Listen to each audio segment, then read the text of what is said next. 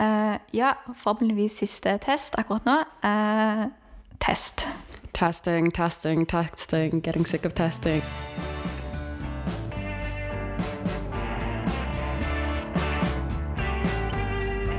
Hei og velkommen til Under arbeid sin podkast. En podkast som skal belyse samfunn og kultur gjennom feministbriller. Mitt navn er Elise Dybvig, og med meg så har jeg Beksi. Så uh, nå har det jo vært en stund siden sist. Ja. Og eh, det har jo vært eh, litt mye som har skjedd om dagen. Det er veldig sånn, Starta veldig ambisiøse med fulle, fulle, store episoder og masse folk og så videre. Og så er det jo sånn han driver med noe frivillig, så skjer det ting. Eh, vi begge fikk oss ny jobb, blant annet. Og reiste litt og sånne ting. Og så plutselig så går tiden. Um, Ja, det føles ut som januar var tre måneder, og så var februar to måneder, og så har mars gått veldig, veldig raskt. Og nå er det plutselig april. så det vi skal nå gjøre framover Vi har må liksom um, hva skal vi si, uh, tilpasse oss det livet vi lever nå. Uh, og det vil si at nå prøver vi da å få til de siste episodene nå ut våren, med da annenhver uke. Så da blir det en episode, og så kan det være at vi gjør det en litt roligere versjon, der vi rett og slett snakker oss imellom, kanskje med en til, eller får noen andre fra redaksjonen til å komme, og snakke om både det personlige og det politiske, med da feminisme som, som rammeverk for, for samtalen. Nå har det jo skjedd sykt mye siden sist. Hva, eh, Habon, har du tenkt på i det siste, eller følt i det siste, eller sett i det siste av ting som har gjort inntrykk på deg, eller ting du har liksom tenkt på, eller som påvirker deg i, i hverdagen? Det er em, kanskje ikke så mye i min hverdag, men det har gjort meg veldig glad eh, å se hvordan eh, eh, March for our lives fikk så mye oppslutning og så mye oppmerksomhet. Eh, det var veldig mange dyktige unge kvinner eh, som holdt veldig sterke taler. Eh, barnebarnet til Martha Luther King var kjempedyktig og veldig engasjerende. Og så var det jo Emma Gonzales. Hun, hun er rå. Mm. Så bare for å ta, ta litt sånn tilbakeblikk, for du hadde jo den Parkland-skytingen i, eh, i februar. Og så det unike med jo den var at plutselig så var det en haug med tenåringer og ungdommer som sto fram og sa at nå, nå, nå er det nok. Eh, vi vil ikke være med på dette eksperimentet med, med livene våre. Og sånn som du sier, så har han fått veldig, liksom en slags ny generasjon politiske aktivister. Da. Men det interessante er jo at som ungdommer så er de ekstra sårbare for hetsen og hva skal vi si, det slaget de får mot seg da, av politisk motstand. For veldig mange glemmer at uh, disse er ungdom, og uh, ungdommer er kanskje litt mer idealistiske enn voksne. Uh, og det de voksne glemmer, er at det er veldig mange som sier at oi, hva er det disse ungdommene kan få til? Men hvis man ser tilbake i historien, eh, så har veldig mange av aktivistene rundt eh, apartheid, eh, den eh, borgerrettskampen i USA, har ofte vært unge aktivister, eh, gjerne studenter, eh, som har mobilisert seg og kjempet hardt og demonstrert i mange år for å bli hørt. For i tillegg til bare å være ungdommer med, med veldig mye de vil endre på, så er det jo helt tydelig at de går inn i en, den mest um, hva skal si, brennbare temaene er USA, som jo er våpenloven, og hvordan en skal bygge et samfunn enten på tilstedeværelsen av våpen, eller om en faktisk skal gjøre noe med de mekanismene som gjør at en får disse skytingene. Og når det er så når debatten er så, så oppheta, så, så fikk en jo blant annet De har jo blitt sammenligna med Hitlerjugend osv. Helt ekstreme sammenligninger bare fordi at det, der er sitter eldre mennesker som føler både sånn økonomisk og politisk og personlig trua av at noen kommer og sier at vi vil ta fra dere våpnene deres. Og sånn som du sier, nå kom jeg jo på når jeg nevnte Hitlerjugend, at eh, i, eh, i Nazi-Tyskland så var det jo også en ungdomsgruppe, den, den hvite rose, Sofie Skjold, eh, og broren hennes og en venn, som på en måte gikk og trykka opp eh, blader som de spredde. De ble jo òg dømt for det, eh, ble drept. Eh, så det har klart at mye av den forandringen har nettopp kommet fra ungdom. Um, men det en ser i dag, og det ser en òg i Norge, er at det er ikke lett å være en ungdom som har lyst til å endre på ting. For idet du ønsker å delta i samfunnsdebatten, eh, så kan du oppleve en del hets og hatytringer, eh, men også å bli eh, psykisk utbrent og utmattet av å få så mye oppmerksomhet. Mm. I Norge så tror jeg det gjelder spesielt eh, unge debattanter som er kvinner, og eh, gjerne også med minoritetsbakgrunn. Eh, Sofia Soror, som er eh, spaltist i eh, Dagsavisen, og eh, var eh, en av de eh, tre jentene som startet Den skamløse jenter-debatten. Eh, Jeg har nettopp skrevet et innlegg i eh, fredagens utgave i Dagsavisen. Jeg kan ta så finne, eh, finne teksten her nå. For det Sofias Sror snakker om, er eh, at det er en veldig merkelig standard, da. Eh, For det vi kan se, er at unge debattanter eh, har eh, veldig mye press rettet mot seg.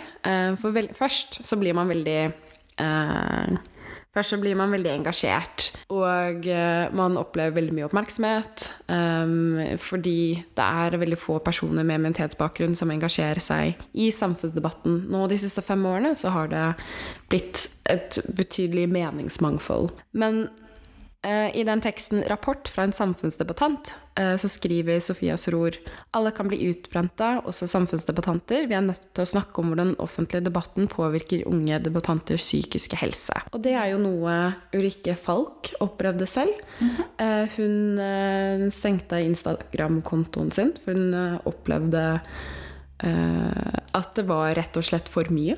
Jeg skrev mitt første innlegg i Aftenposten da jeg var 19. Um, og sånn som du sier, så er det noe veldig gøy med å på en måte ta til orde for noe du, du vil eh, skal endres. Men så er det jo det som følger etterpå, som en del av sosiale medier og at mye av debatten skjer på internett, er at du både når du går inn på innlegget ditt og ser hva folk skriver, uh, og jeg på en måte har, og det gjør jeg fremdeles, at jeg liksom tar mange runder med meg selv om jeg orker å forholde meg til det. Eh, men så vet jeg at mange har et veldig behov for å vite hva som står der. Eh, samtidig som når du da leser ting, eh, så er det veldig vanskelig. Det kommer litt an på dagsformen om du tar det til deg eller ei. Og det, det som satt fast med meg, var at jeg tror jeg bare skrev et innlegg om Facebook. Det var ikke noe særlig sånn problematisk, det. Og så tror jeg var det noen som kommenterte at Uh, og dette er veldig uskyldig, egentlig. Ingenting i forhold til hva mange andre får.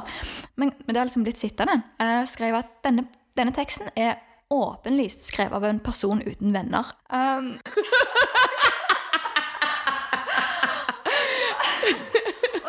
og, det er jo, kjempetullete? Og det er liksom så usaklig og er fjernt. Men, men, men da tror jeg liksom at en dag så tenker du bare, ler du liksom bare av det, men en annen dag så er det sånn Hæ, tenker folk det om innlegget mitt? Eller liksom, er det det folk sitter igjen av når de har lest meg?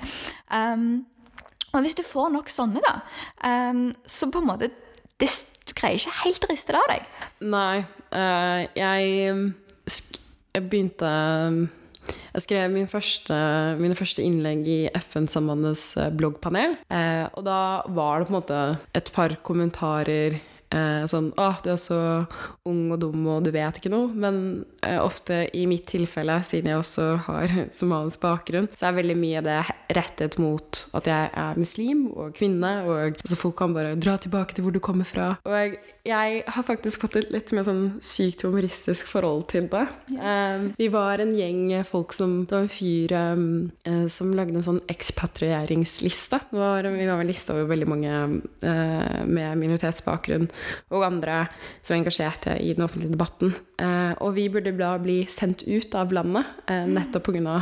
våre meninger. Og når jeg så den lista, og folk var jo bare 'herregud, dette er så fælt', men du blir jo så vant til at du kan få så, sånne kommentarer, at du bare heller ler av hvor sykt det er. Eh, men så er det jo også andre som opplever mye eh, Kan oppleve hets og vold og sjikane.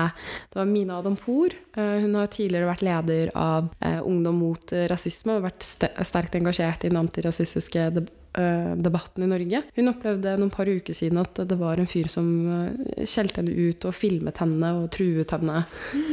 Um, og det er jo nettopp det, da. Hvis man har Man ønsker jo å ha en samfunnsdebatt der det er eh, et meningsmangfold, der det er veldig mange unge som engasjerer seg. Men hvis det er på en måte den responsen du får, alt fra en merkelig kommentar om hvor mange venner du har, til hets, da, da mister man liksom mersmaken. Ja, og det er det som òg er et skille. En ting er å liksom gå inn på eh, kommentarfeltet og lese alt det fæle som står der. Um, men en annen ting er jo at Å, kan jeg bare si det, for det er jo en fin ting. at En gang jeg skrev noe, så fikk jeg veldig veldig mange fæle kommentarer. Og så var det en som kommenterte at uh, dette er kjempe, kjempebra, det du har skrevet, og håper virkelig at hvis uh, skribenten leser disse kommentarene, at du ikke bryr seg om dem. Så det var å, da liksom det hjalp litt da, på, på, alt det andre. Uh, men én ting er jo på en måte da kommentarene der, men så opplever jo mange i større grad at det blir òg personlig. At du, du, får meldinger på telefonen din, du får meldinger i eh, Facebook-innboksen. Eh, og noen opplever jo på en måte eh, at folk kommer bort til dem. Eh, og faktisk også har sett tilfeller der på en måte familiemedlemmer til den som ytrer seg, blir på en måte eh, enten trua eller får ubehagelige kommentarer. Eh, og det gjør jo noe helt Da blir det på en måte det er mye vanskeligere å liksom distansere seg fra da, enn den der liksom, han som hadde en litt dårlig dag og raljerte litt på det du hadde skrevet hva av på en måte sånn self-care-tips finnes der for å være ung debattant? Jeg tror eh, de Altså jeg tror at man burde ta kontakt med dem og eh, vise dem støtte. Eh, ofte så er det veldig mange som sender blomster eller eh, tar kontakt med dem og spør om hvordan det går. Um, og, men det er jo når noe skjer, da, og du må jo dele at det mm. skjer med deg.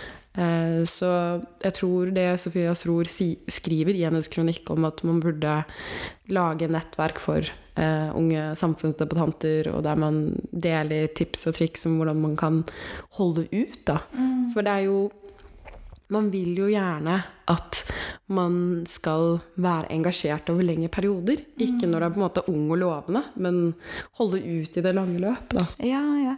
Og det jeg òg tror er, er, veldig viktig, at Nå vet jeg ikke hvordan det er sånn sett i dag, men, men det opplevde, opplevde jeg i hvert fall sjøl. At jeg eh, sendte inn et innlegg, og så ble det publisert. Og så måtte jeg stå litt i den kampen alene etterpå, av hva som liksom kom opp. Og da tenker jeg òg at avisredaksjoner eller nettsteder som på en måte publiserer innlegg, har det litt klart for seg å informere om liksom at uh, Stå litt bak deg, da. Um, og, og gir beskjed om at hvis, hvis en får noen uh, Hvis du får noen følger det innlegget som på en måte er ubehagelig, så skal vi hjelpe deg å håndtere det. Uh, eller fordi da tenker jeg at etter hvert så har en jo erfaringer for hvordan en kan gå fram. Eh, mens hvis det er det første innlegget ditt, så kan en bli veldig sånn målløs av hva i all verden gjør jeg nå? Um, så det føler jeg litt òg, at en må Redaksjonen må være flink å følge opp unge skribenter òg på et sånn mentalt plan. Og gi beskjed um, hva, hva en kan gjøre, og um, at en er der rett og slett hvis det skal være noe. Mm. Og gi dem informasjon om Uh, når uh, de burde anmelde, oppfordre dem til å gjøre det. Mm. Um, og rett og slett heie dem frem og håpe at de fortsetter å skrive videre. Mm. Det er mm. veldig synd å miste stemmer basert på det grumset en minoritet i Norge holder på med. Så jeg tror at det å skape sånne type nettverk, eh, men òg kanskje se noe med Facebook-skandalen, så er det jo fascinerende å se på kan en lage diskusjonsrom som fungerer på andre måter. Eller en, må, en trenger ikke akseptere at de strukturene har med kommentarer og eh, Ja, at det trenger å være liksom sånn det må være. Nei, og da er det hashtaggen 'vi er her', mm. eh, som er veldig nyttig. De eh, er organisert i en Facebook-gruppe, etter min forståelse, og de er veldig aktive i ulike kommentarfelt. Og hvis det blir for mye, og det er et kommentarfelt der de trenger hjelp, så bruker de hashtaggen 'vi er her'. Nettopp. Så hjelper de hverandre i kommentarfeltet mot alle disse nettrollene. ja, så bra.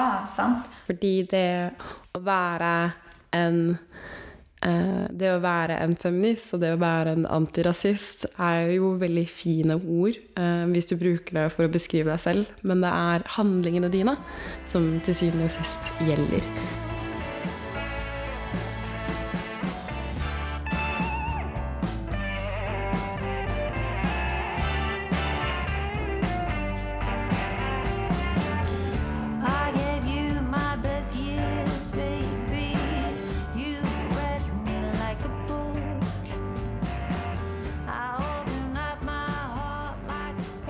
Nå tenkte vi å gå over til å se litt nærmere på serien Heimebane. Som da har tematisert mye bra og spennende i det siste. Du kan jo kort forklare hva, hva serien går ut på. Heimebane er en NRK-serie eh, som handler om Helena. Hun er en fotballtrener fra Trondheim og har da eh, litt spisse albuer og fått en jobb som eh, den første kvinnelige fotballtreneren i tippeligaen for Varg IF i Ulsteinvik. Og nå har det vært eh, fire episoder, eh, og den siste episoden syns jeg var veldig spennende. Eh, for det handlet om at hun opplevde seksuell trakassering eh, fra jævla Ålesund. Og hele episoden egentlig tematiserte hvordan en forholder seg til denne type oppførsel. Um, og det veldig fine med serien at det er ikke bare hennes perspektiv vi får, men hun har også en datter, uh, så da begynner på videregående, um, flytter med moren, som opplever lignende problemstillinger, men på en litt annen måte. Men som er med på å variere det landskapet eh, en da er i. Og det er en veldig kul serie, og jeg hørte et intervju med manusforfatteren som skrev nettopp det at um, sånn så en har konstruert serien, og det vil, tror jeg gjelder ethvert mannsdominert miljø, så hver gang det kommer en kvinnelig person inn i rommet, så oppstår det konflikt. Uh, og det at en greier å skildre den konflikten uh, så hva skal jeg si, detaljert og poengtert, som gjør, er, er, veldig kult. Hva tenkte du når du så episoden? Jeg, um, jeg syns det var så utrolig uh, kjipt å se hvor mye Helena internaliserte det, og hvor mye hun ikke ville være et offer. Mm. For det er jo nettopp det ofte som skjer når man blir utsatt for uh, seksuell trakassering. Man vil, ikke, man vil bare gjøre jobben sin, og så vil man ikke at det at man er kvinne, skal påvirke eh, noe i det hele tatt. Hun vil jo få innpass da, eh, som trener, og vil ikke være en eh, damsel in distress eh, som trenger hjelp. Og, eh, og noe som jeg syns er veldig fint, det er datteren hennes som opplever dette her parallelt. Mm. Og at eh, Helena forstår da at dette handler ikke bare om henne. Mm. Og det er det datteren hennes som formidler veldig tydelig til henne. Og det er et veldig fint øyeblikk, fordi eh, seksuell trakassering handler ikke bare om den enkelte personen som opplever det. Det er mange andre som opplever det. Eh, og det å melde ifra og si ifra kan gjøre en forskjell. Mm. Men så er det alle disse kvinnene som i den serien som sier tydelig fra om hva vet du om hvordan det er å være kvinne. Om den ene fotballspilleren som får en datter, og skjønner da selv Oi, eh, her eh, må jeg faktisk stå opp for treneren min, eh, selv om jeg ikke har helt sansen for henne hele tiden. Absolutt. Det som jeg syns er så kult med Helena-skikkelsen òg, er at hun er ingen eh, på en måte hardbarka feminist som går inn for å liksom endre verden med denne jobben, men hun er på en måte en, Hun er bare en ambisiøs person, så dyktig det hun gjør. Og så på en måte har hun kanskje mange holdninger som jeg har på en måte sett igjen i flere kvinnelige leder, lederskikkelser, spesielt um, noen av de som på en måte er først inn på et område der det bare har vært menn, uh, er jo nettopp at en prøver å distansere seg fra det kjønnsaspektet. En vil på en måte ikke ha noe med det å gjøre. Uh, så derfor så på en måte uh, En vil ikke være hun som snakker om kvinneting eller liksom gir beskjed om seksuell trakassering, og, men en vil bare liksom bli vurdert på grunnlag av den jobben en gjør. Og det er derfor jeg på en måte sier at det der med sånn glasstaknusing At en ser gjerne at kvinner kommer inn i store bedrifter, og så skjer det ikke så mye på en måte annet, fordi at en gjerne er så opptatt av å bevare sin egen stilling. Eh, men det er jo nettopp det sånn som du sier, at serien greier likevel å få hun til å løfte blikket litt. For at til slutt så er det ikke en uh, Hva skal jeg si uh, det, Enkelte saker har betydning for andre enn deg sjøl, og da er det veldig viktig å, å stå opp for dem. Og noe av det jeg syns serien får frem på en veldig fin måte, er hvor mye hets mm. uh, Helena, karakteren, må tåle. For det dukker opp på telefonen og uh, meldinger, og så folk uh, Det var det siste dråpen var jo når noen hadde faktisk brutt seg inn hjemme hos dem. Mm. Og det er jo nettopp det at hun må bare tåle det. Hun må bare finne i dette her. og så er det egentlig ikke slik det burde være. Det burde ikke være så vanskelig å være en kvinnelig trener som vil bare gjøre jobben hennes. Altså den kampen hun må ta, den episode for episode, så ser du hvor mye det krever av henne. Mm.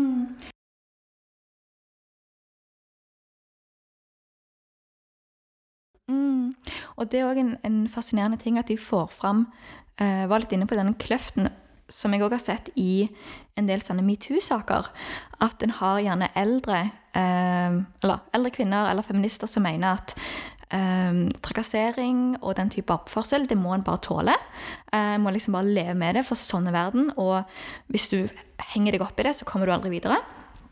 Og så har du på en måte de nye, den nye bølgen med liksom feminister og unge kvinner, og, som da en har sett tydeligst i metoo, eh, og kanskje her i serien representeres av datteren hennes, som sier at nei, vi må ikke tåle dette. Vi kan faktisk gi beskjed og vise at dette er ikke bare sånn som skjer, og vi må bare leve med det.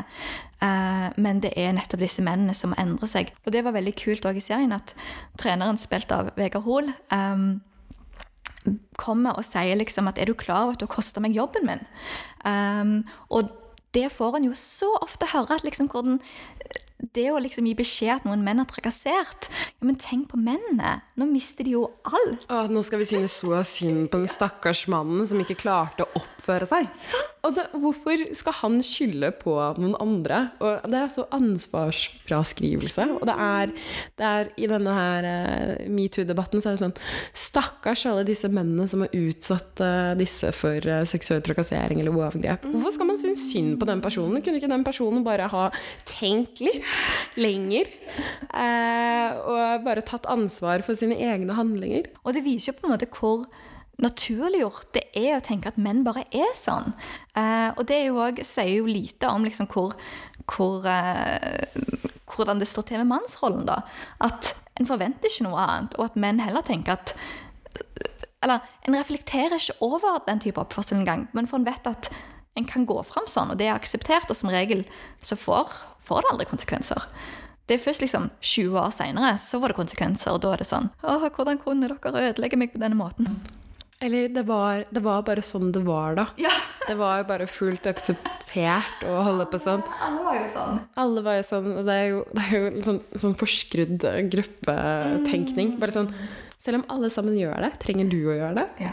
Jeg trodde man lærte det som barn. Jeg. Hun, hun Helene-karakteren minner meg litt om Jessica Jones fra den Marvel-serien. Ja, faktisk. Fordi hun er jo også en kvinnelig karakter som ikke er laget for at du som seer skal like henne. Mm. Hun er bare seg sjøl og gir F i alle andre. Det, eh, det kule òg at en ser jo en endring der kvinnelige karakterer får være akkurat sånn som de er. Um, og en har jo sett sånn Girls var jo også en type serie der en fikk veldig mye hat mot seg. En kan si mye om Girls, men en av tingene var liksom at disse kvinnelige karakterene var så ufordragelige. Og det har jeg merket selv òg. Jeg lagde en kortfilm der jeg fikk høre at den kvinnelige karakteren min var liksom så ufordragelig at jeg måtte gjøre henne mer sympatisk. Og det snakket jo Andal Torp, som spiller Helena, om òg, at hun ble rasende når hun så at det var folk som prøvde å gjøre karakteren rundere, mykere, mer akseptabel. Så det å liksom lage rom da, for at kvinnelige karakterer kan være like så egoistiske og ambisiøse og teite innimellom også som mannlige. Eh, det blir jo bare bedre serier, og det blir bedre generelt. Ja, det er veldig gøy. Jeg gleder meg til å se nyeste episoden av eh, Heimebane. Jeg òg. Så da får alle ha en veldig flott uke. Um, tusen takk for oss. Håper at dere alle lytter til podkasten vår. Den er tilgjengelig i uh, iTunes. Og det er bare å følge med på underarbeid.org uh, for mer uh, informasjon.